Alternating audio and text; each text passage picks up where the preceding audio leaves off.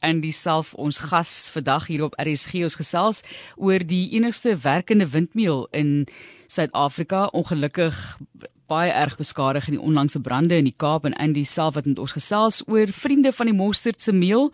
Jy kan sommer gaan na hulle webblad solank as jy wil gaan kyk. mostardsmill.co.za dis nou M O S T E R T S mill M I L L.co.za baie welkom Andy Baie dankie Martinus. Ja, vir die geleentheid om te praat oor die uh, die afgebrande meel. Ehm um, dit is 'n groot teleurstelling vir ons, maar ehm um, die beste ding van alles was dat dit mos nou op die Sondag afgebrand, maar die Saterdag aand het ons klaar gemaak met 'n 6 jaar lank restaurasie proses. O, jene. Op daai meel. Vaderland, so al daai werk verniet de al daai werke natuurlik die uh, oor uh, die restaurasie van uh, 1995 en ook maar die restaurasie van 1935 is ook maar tot niet gebrand. Voordat ons nou kom by die skade en die jy is 'n trekker werktuigkundige soos jy vir my vertel het, hoe is jy betrokke by die windmeel? Uh ek het 'n uh, 'n meel, 'n watermeel gerestaureer daar in Botrivier by uh, Beaumont Wines en ehm um, en dit het vir my 4 jaar uh, so Saterdag gevat en en nog en nog en daar maal ons nog af en toe. Toe word ek betrek so 6 jaar gelede deur die Friends of Mustard's Mill om te help met sekere probleme wat hulle ondervind het met die meel en dit het ons stelselmatig uh, aangepak uh in gemaal tussenin uh nog 'n probleem aangepak en so oor die afgelope 6 jaar. En ek het nou verwys na die geskiedenis, die meal is gebou in 1796 deur van Renen, soos hulle sê, Mostert was dan die skoonseun. Geen net vir ons 'n bietjie meer agtergrond oor hierdie private plaasmeele van die VOC in daai tyd. Reg, ehm um, nou ons kennis is dit nou die eerste meel wat gemaak is privaat meel ge, wat gebou is na die uh VOC uh opgehou het met hulle beheer oor die ehm um, die maal uh van die uh van alle graan in die in die Kaap. Uh en so dit is uh dit is op die plaas welgelegen gebou en ehm um, ja, die en dit het toe gemaal en seker maar vir jare jare. Toe op 'n stadium neem uh Cecil Rhodes daai te grond oor en uh hy het die die plek aan die nasie geskenk. En so dit hoort nou aan departement publieke werke. En die watter waarde is daar vir ons natuurlik met die bewaring en weer eens die restaurasie van iets wat staties daar is vir ons dalk van geskiedkundige waarde, maar jy weet hoekom hoekom is dit belangrik om dit te bou te hou? Seker maar omdat dit so spesiaal is omdat dit al meel is was suid van die Sahara wat graan gemaal het uh, met wind. Uh ek meen dis dis iets baie besonder uniek en ehm um, so dit moet net weer herbou word. En ek meen jy kan vir enige Kaapenaar vra nou Mostert se meel hy ken dit van kleins af daai plek. So ons kan dit net nie laat verwaarloos nie Goed, so ek weet jy het nou reeds so baie werk gedoen. Daai werk moet nou van voor af begin. Ek is op die webblad en dit is ja, die fotos is dit moet seker vir julle hartverskeurende wees Andy om dit om dit te, sien ook. Mense is bly daar is dan nog 'n struktuur oor. So vertel net vir ons van die skade wel en waar begin 'n mens om daardie skade reg te maak. Jy weet as jy dink aan die hout natuurlik geweldige skade gelei. Uh soos ek sê die struktuur is nog redelik daar. Gee vir ons 'n idee van van die skade in die proses nou. Uh, okay, alles wat hout was is as nou. Daar is niks behalwe 'n paar balke wat heel buitekant die meel was, uh wat nie heeltemal tot as gebrand is nie. Uh en al wat ons kon bymekaar maak was net uh die eisterstukke wat wat uh natuurlik grond toe geval het tot die die die bearings van die uh van die hoofas is uit klipgebou uh, gemaak. Dit is uit uh, graniet ge gemaak.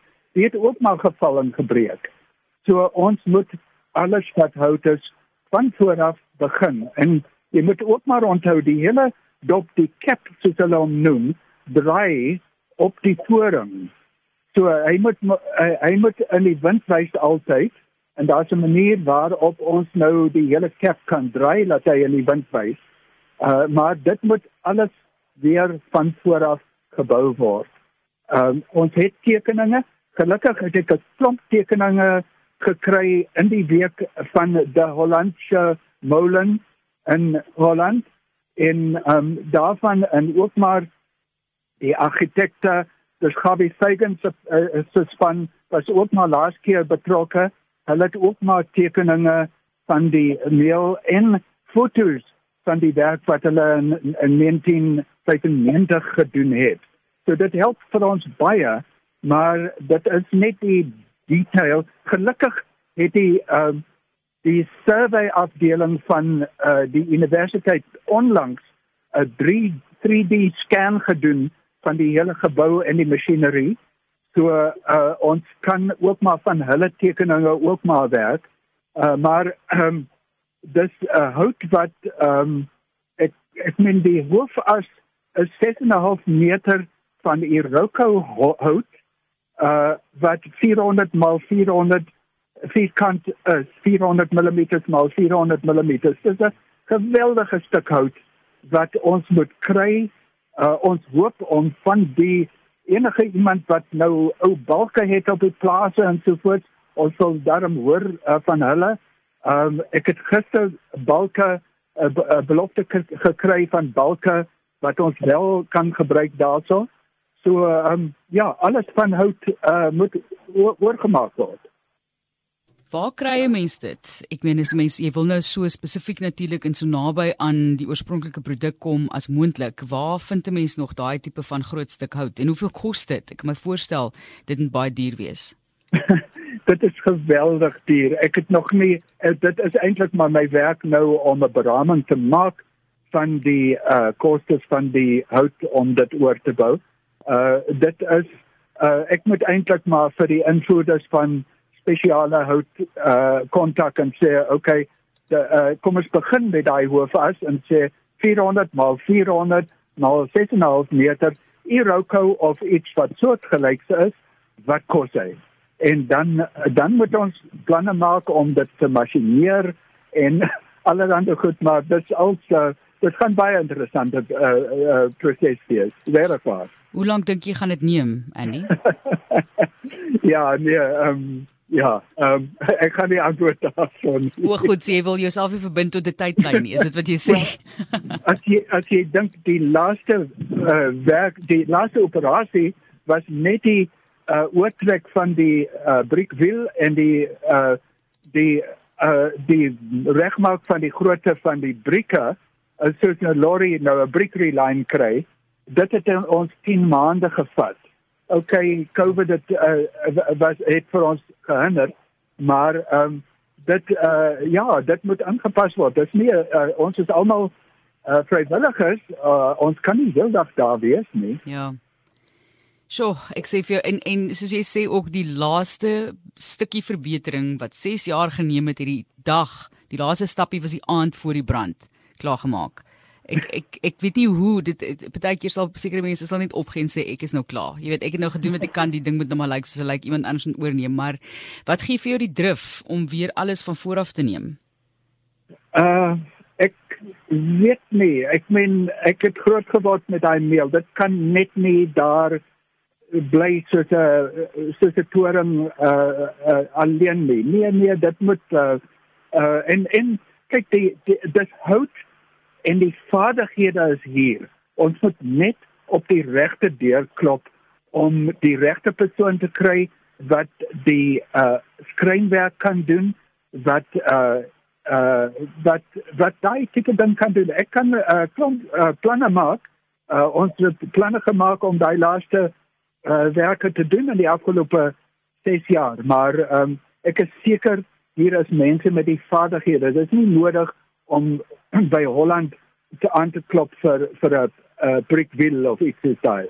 Ons het die tekeninge, ons kan dit laat maak. Baie sterkte. Hoe groot is hierdie span Andy wat daaraan werk? Dit uh dis altyd uh, ons het 'n klein spannetjie van eintlik maar 3. Ek is tegnies. Ek het daar's 'n argitek van Gawie se span en uh daar's die uh, voorsitter en uh, daar's nog 'n 'n 'n milenaar wat gereeld daar werk.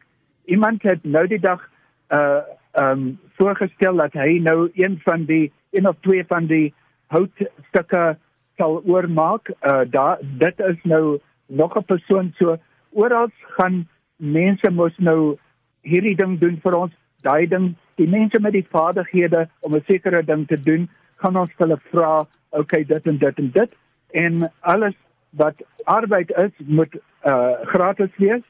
Al wat ons vir geld nodig het is vir materiale. So mense kan gaan kyk op die webblad, alles is daar beskikbaar as dit na in jou hart is en jy wil hulle finansiëel ondersteun. Dis baie eenvoudig. Jy gaan na mosterdsmil.co.za. Ek gaan dit nou net weer spel.